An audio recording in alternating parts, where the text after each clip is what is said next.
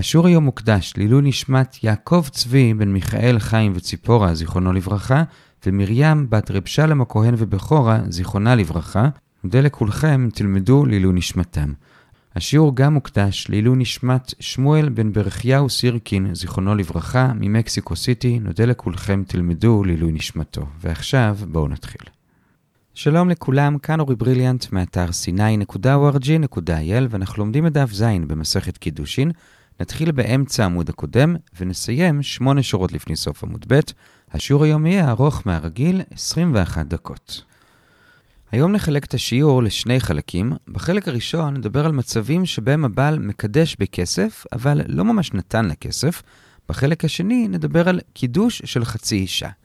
אז החלק הראשון, הדרך הנורמלית לקדש בכסף, זה פשוט לתת לה כסף ולומר, הרי את מקודשת לי בכסף זה, זה ברור. היום נדבר על מצבים שבהם הוא לא ממש נתן לה כסף, ונראה מתי זה עובד ומתי לא, ונראה לגבי איזה שלושה סעיפים. סעיף ראשון זה מקדש במילווה.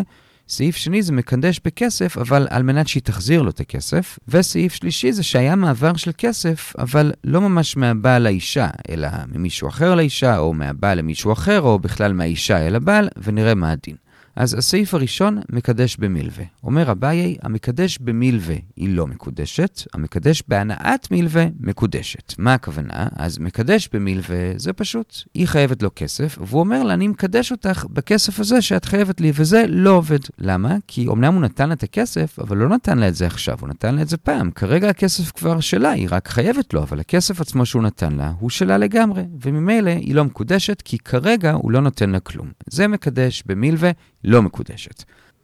מה זה המקדש בהנאת מלווה, שבזה היא כן מקודשת? אז בשביל לעזור להבין את זה, נראה את ההמשך של מה שהבאי אמר, וזה שאומנם היא מקודשת, אבל אסור לעשות כן מפני הערמת ריבית. זה נראה כמו ריבית, אז ברור שההסבר כאן צריך להיות איכשהו קשור לריבית. אז מה ההסבר? אז הגמרא מביאה שני הסברים. הסבר ראשון שהגמרא מיד דוחה, זה שממש מדובר בריבית. כלומר, כשהוא הלווה לה את הכסף בזמנו, נגיד הוא הלווה לה 400, אז הוא קבע מראש שהיא צריכה להחזיר לו 500, כלומר ריבית. ועכשיו, כשהוא בא לקדש אותה, הוא לא מוותר מוותר לה על החוב המקורי, אלא הוא מוותר לה על הריבית, ובזה הוא מקדש אותה. זה ההסבר הראשון, אבל דוחה הגמרא, קודם כל, אם זה ההסבר, אז מה הכוונה הרמת ריבית? זה לא הרמת ריבית, זה ריבית ממש.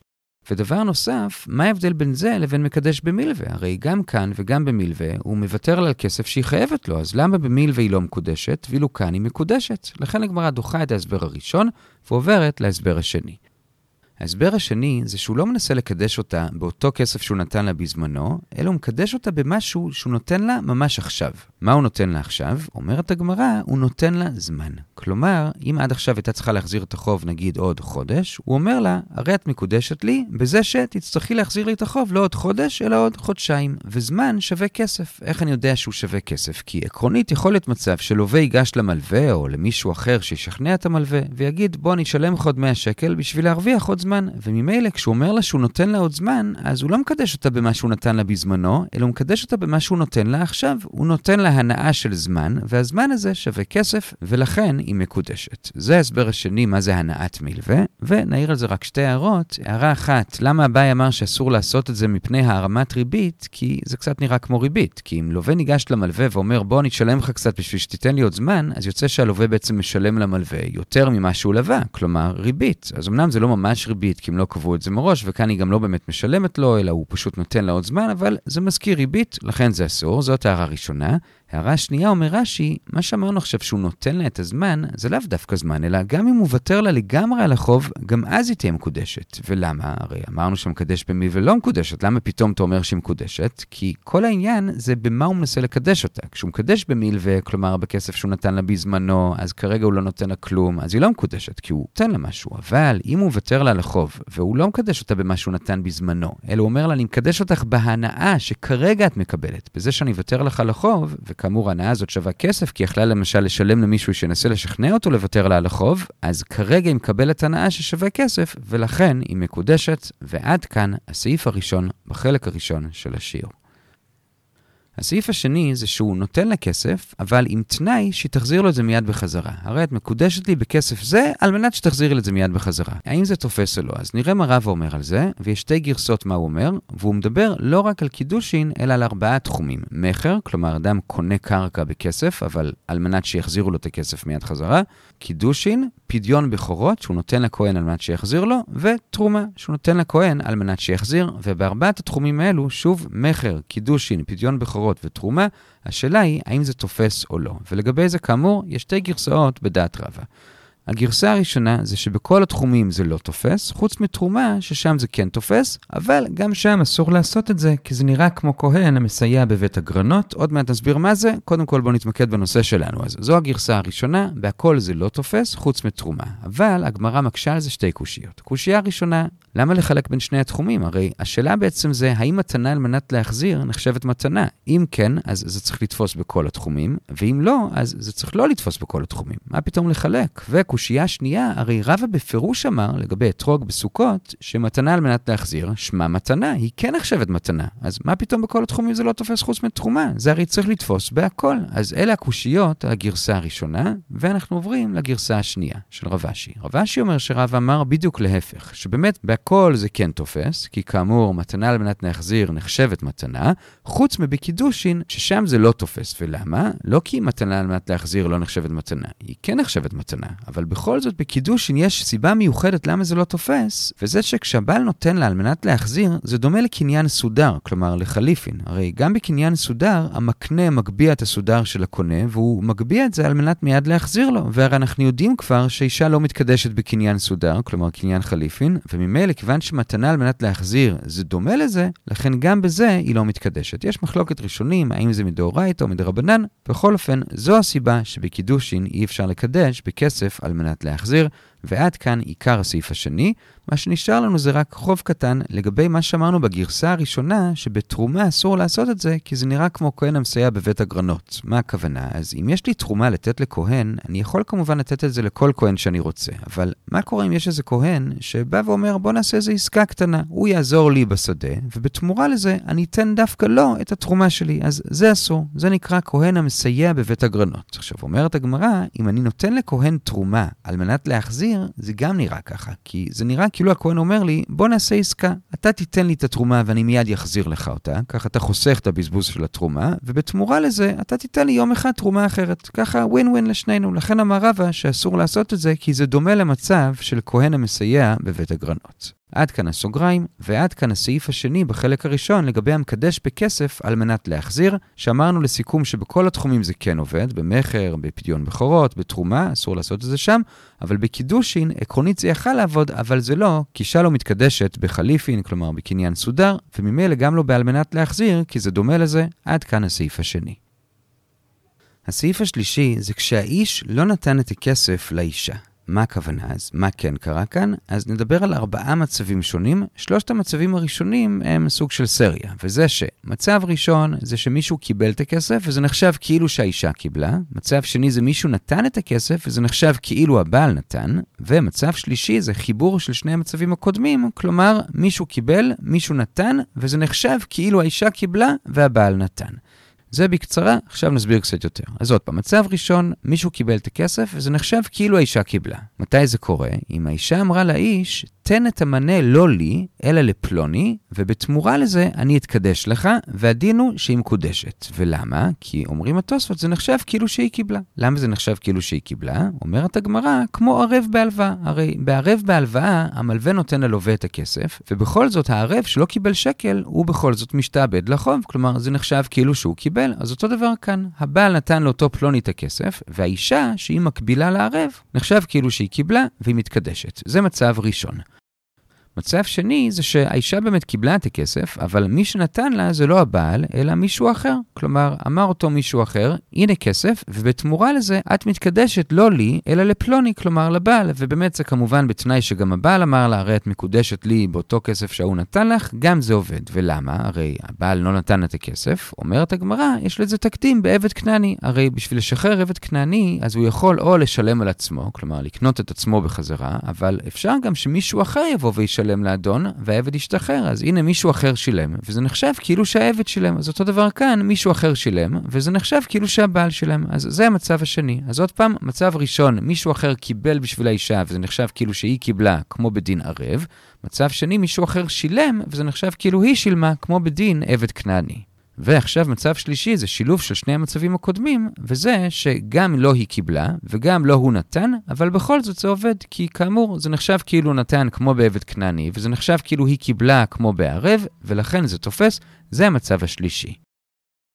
המצב הרביעי זה שלא רק שהאיש לא נתן לאישה כסף, אלא להפך, האישה נתנה לאיש כסף. כלומר, היא אמרה, היי לך מנה, קח מנה, ואקדש אני לך. עכשיו, כמובן שהוא גם אמר לה, התקדשי לי בכך, במה שאת נתת לי, זה המצב הרביעי, ולגבי המצב הזה, בניגוד לקודמים, רבא שאל מה הדין, הוא לא אמר, ובא מר זוטרא ואמר, גם כאן היא מקודשת. עכשיו, מה פתאום הוא לא נתן לה? אז כאן יש שני הסברים. ההסבר הראשון, שמובא רק כסוג של הווה אמינא, זה שזה עובד על ידי מה שנקרא קניין אגב. כלומר, הרי כשאני קונה דברים, אז לכל דבר יש איזשהו מעשה קניין. למשל, עז יש קניין משיכה, לשדה יש קניין חזקה. עכשיו, יש דין שאם אני קונה נכסים שיש להם אחריות, למשל לשדה, אז אגב זה, אני יכול גם לקנות נכסים שאין להם אחריות. כלומר, מטלטלין, בלי לעשות עליהם מעשה קניין, הם פשוט נקנים אגב השדה. זה מה שנקרא קניין אגב. עכשיו, הגמרא מבינה שאולי גם אצל אישה אפשר לעשות את זה. שהאישה בעצם מקנה לבעל את הכסף, ואגב ואגב זה, היא גם מקנה את עצמה. זו הבנה הראשונה, אבל דוחה רב אשי, מה פתאום? הרי כמו שתיארנו, קניין אגב זה רק בכיוון ההפוך, שנכסים שאין להם אחריות נקנים אגב נכסים שיש להם אחריות. אבל הפוך, אי אפשר, והרי בן אדם, כמו עבד למשל, הוא מוגדר כנכס שיש לו אחריות, כמו קרקע, אז אפשר לקנות כסף אגב אדם, אבל אי אפשר לקנות אדם אגב כסף, לכן ההבנה הראשונה מיד נופלת, ובא מר זוטרא ואומר את ההבנה השנייה. וזה שאומנם כאן האישה היא זאת שנתנה לבעל את הכסף, אבל בעומק, באמת גם הוא נתן לה איזושהי הנאה, ובהנאה הזאת שהוא נתן לה, בזה היא מתקדשת. עכשיו, מה הוא נתן לה? אז אומרת הגמרא, כאן מדובר באדם חשוב כזה, שאנשים אפילו מוכנים לשלם כסף בשביל הזכות לתת לו איזה מתנה, וממילא זה שהיא נתנה לו, היא נהנית מזה, זה הנאה ששווה כסף, ובהנאה הזאת היא מתקדשת. אז עד כאן המצב הרביעי, שהיא נתנה לו כסף, ובזה היא מתקדשת, שכאמור, זה דווקא באדם חשוב. אז ראינו ארבעה מצבים שונים, שבהם האישה לא ממש קיבלה, האיש לא ממש נתן, ובכל זאת היא מתקדשת. ועכשיו לסיום בא רבא ואומר, שכל זה נכון לא רק לגבי קידושי אישה, אלא גם לעניין ממונה. כלומר, אתה בא לקנות שדה, אז במצב הרגיל הקונה נותן כסף למוכר, אבל כל האפשרויות שהזכרנו מקודם גם יכולות לעבוד שמישהו אחר ייתן את הכסף, או שהוא ייתן את הכסף למישהו אחר, או שהמוכר בכלל ייתן את הכסף לקונה כשמדובר באדם חשוב. כל זה נכון גם בענייני ממונות, כך לפחות לפי הריטווה שמביא את הגאונים. ושואלת הגמרא, למה רבא צריך להדגיש ולהשמיע לנו את זה בשני התחומים? הרי לכאורה זה ברור שאם זה נכון בתחום אחד, בקידושין או בממון, ממון, זה נכון גם לתחום השני. עונה הגמרא, זה לא כזה ברור, יש צריכותא, כי אם זה היה רק באחד מהתחומים, היינו חושבים שאולי זה נכון דווקא שם. כי אם זה היה רק בקידושין, היינו חושבים אולי דווקא בקידושין, שהאישה נורא רוצה להתחתן, כי הכי נורא זה להישאר לבד, אז היא מוכנה להתקדש גם בכל דהו, גם בנתינה כזאת לא ברורה, זה מצד אחד. מצד שני גם להפך, אם זה היה רק בממון, היינו חושבים שאולי דווקא בממונות, ששם העיקר זה גמירות הדעת, ועקרונית אפשר גם סתם למחול על כסף, אם יש לך גמירות דעת לזה, אז אולי דווקא שם אפשר כל מיני קניינים כאלה, אבל באישה לא, כמה שמלן שבשניהם אפשר. ועד כאן הסעיף השלישי בחלק הראשון של השיעור, ובזה בעצם סיימנו את החלק הראשון של השיעור, מצבים שונים של קניין בכסף, שהם לא בדיוק ממש נתינה של כסף מהאיש לאישה, וזה מקדש במילווה שזה לא תופס, אבל בהנעת מילווה זה תופס, מקדש על מנת שהיא תחזיר לו למסקנה זה לא תופס, ובסוף ראינו מצבים שאומנם עבר כסף מאחד לשני, אבל לא בדיוק ממנו אליה, אלא או למישהו אחר, או ממישהו אחר, או ממנה אליו, ובכל המצבים האלו זה תופס, ממנה אליו זה תופס דווקא כשהוא אדם חשוב, עד כאן החלק הראשון. החלק השני זה נושא אחר לגמרי, וזה קידוש של חצי אישה, או קידוש אישה לחצי איש, ואת החלק הזה נחלק לשני סעיפים.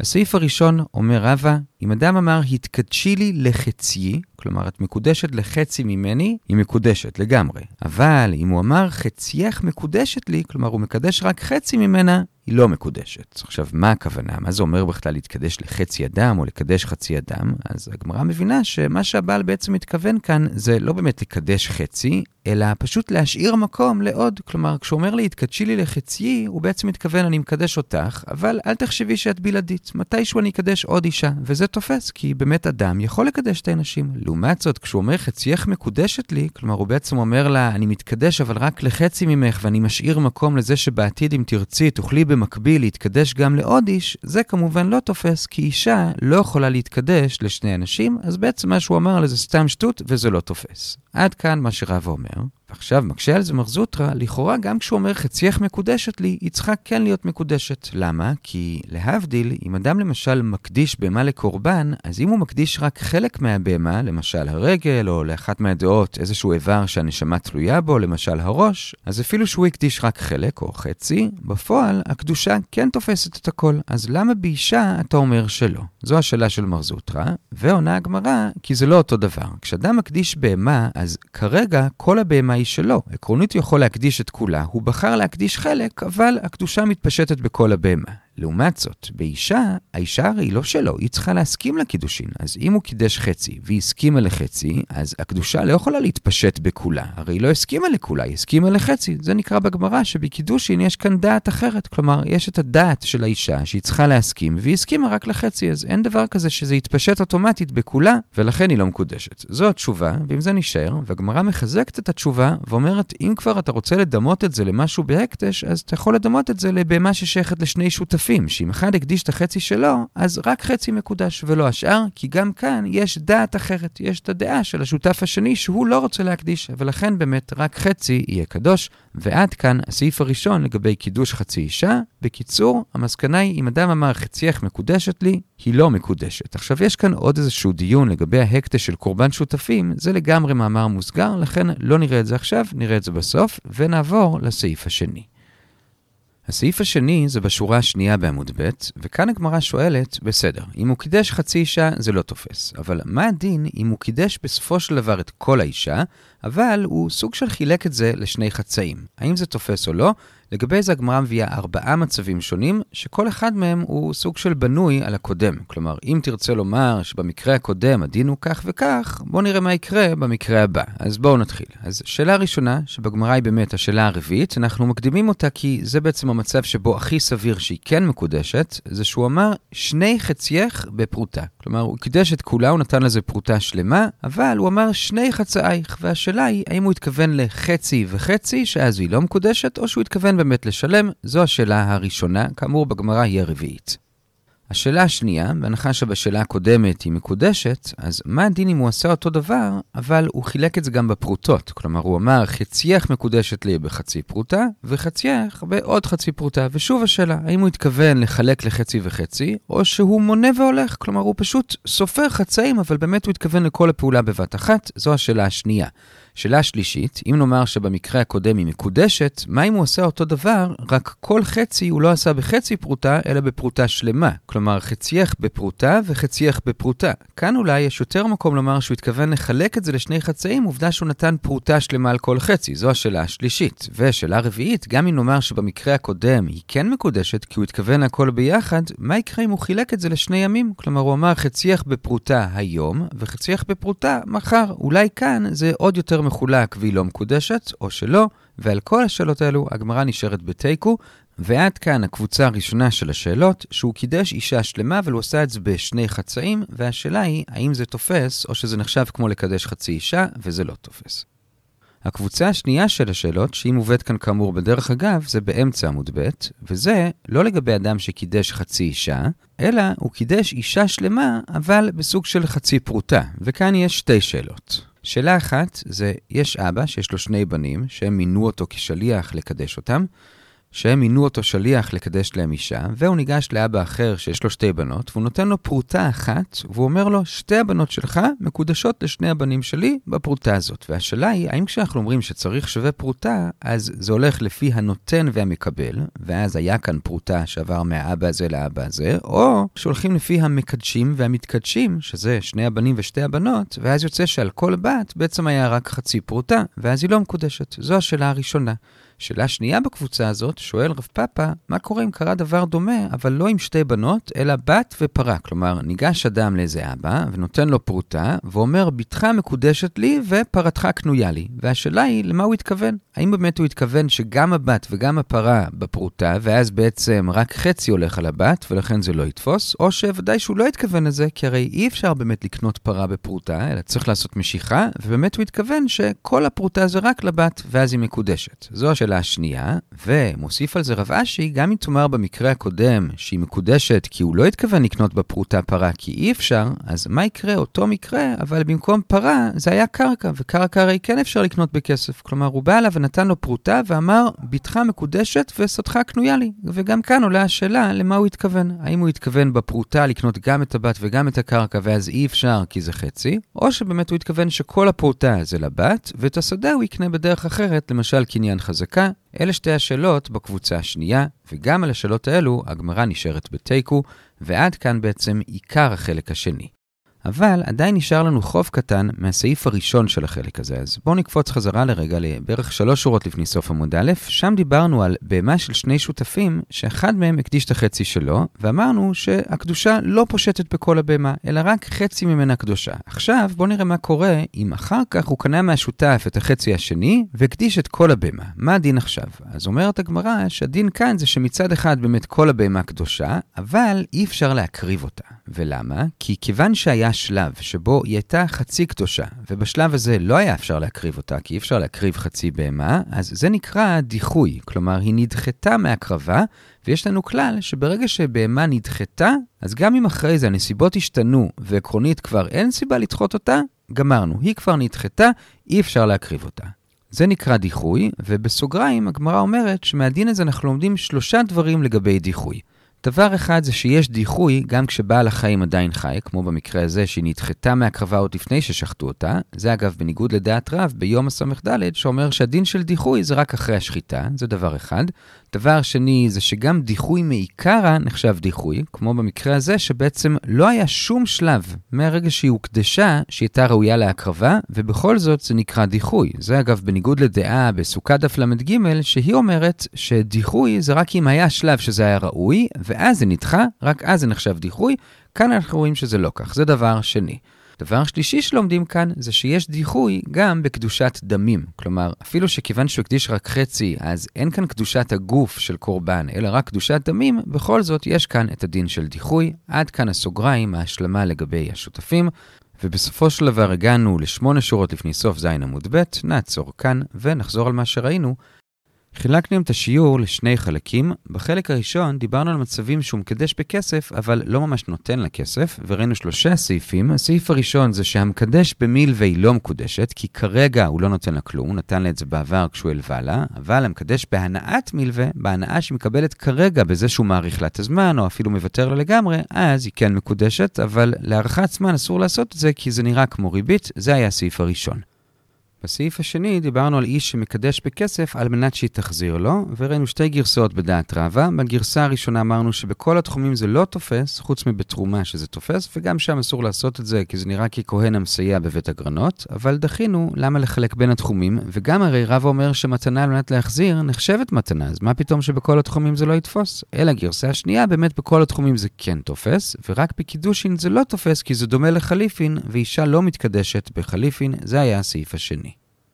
בסעיף השלישי ראינו ארבעה מצבים שונים שאומנם עבר כסף מאחד לשני, אבל זה לא בדיוק היה מהבעל לאישה. כלומר, או שמישהו קיבל במקומה, או שמישהו נתן במקומו, או גם וגם, או שהיא אפילו נתנה לו, ובכל המצבים האלו אמרנו שהיא מקודשת, כי מישהו אחר יכול לקבל במקומה כמו בערב, ומישהו אחר יכול לתת במקומו כמו בעבד כנעני, והיא יכולה לתת לו והיא מקודשת כשמדובר באדם חשוב, וזה נחשב שהיא נהנית מזה שהיא נותנת לו, והוא בעצם מקדש אותה באותה הנאה, וזה היה החלק הראשון. בחלק השני דיברנו על קידוש של חצי אישה. אז התחלנו בזה שרבא אמר שאם הוא אמר התקדשי לחציי היא מקודשת, אבל חצייך מקודשת לי אינה מקודשת. ולמה? אז הגמרא הסבירה שבעצם מה שהוא מתכוון זה להשאיר מקום לעוד חתונה. אז איש יכול להתחתן עם שתי נשים, לכן התקדשי לחציי זה תופס, אבל אישה לא יכולה להתחתן עם שני גברים, ולכן חצייך מקודשת לי זה לא תופס. עכשיו מרזוטרה הקשה למה זה לא פושט בכולה כמו במי שמקדיש רק חלק מבהמה שזה פושט בכולה, וענינו זה שונה, כי באישה צריך גם את הדעת שלה, ולכן זה לא יכול להתפשט אוטומטית, ועד כאן עיקר הסעיף הראשון. בסוגריים כאן דיברנו על זה שגם אם אחרי זה הוא יקנה מהשותף את החצי השני ויקדיש גם אותו, עדיין לא יהיה אפשר להקריב את הקורבן הזה, כי זה נקרא דיחוי, ולמדנו מכאן שלושה דינים על דיחוי, זה היה בסוגריים. ובסעיף השני בחלק הזה, דיברנו על מה קורה אם בסופו של דבר הוא קידש את כל האישה, אבל הוא עשה את זה בשני חצאים, וראינו ארבעה מצבים כאלה. מצב אחד זה שהוא אמר שני חצאייך מקודשים לי בפרוטה, מצב שני הוא אמר חצייך בחצי פרוטה וחצייך בחצי פרוטה, מצב שלישי חצייך בפרוטה שלמה וחצייך בפרוטה שלמה, ומצב רביעי חצייך בפרוטה שלמה היום וחצייך בפרוטה שלמה מחר, ועל כל השאלות האלו נשארנו בתיקו. ואגב, זה ראינו עוד שתי שאלות, לא לגבי חצי אישה, אלא לגבי חצי פרוטה, וזה שני בנותייך מקודשים לשני בניי בפרוטה אחת. האם זה תופס כי סוף סוף יש כאן פרוטה שלמה לאבא של שתי הבנות, או שלא, כי לכל בת יש בעצם רק חצי פרוטה. ושאלה נוספת, בתך ופרתך בפרוטה, או בתך ושדך בפרוטה. האם הוא התכוון שלבת תהיה פרוטה שלמה והפרה או השדה הוא יקנה בקניין אחר, או שהוא התכוון את הפרוטה גם עליהם, ואז לבת יש רק חצי פרוטה, וגם על זה נשארנו בתיקו. כל טוב.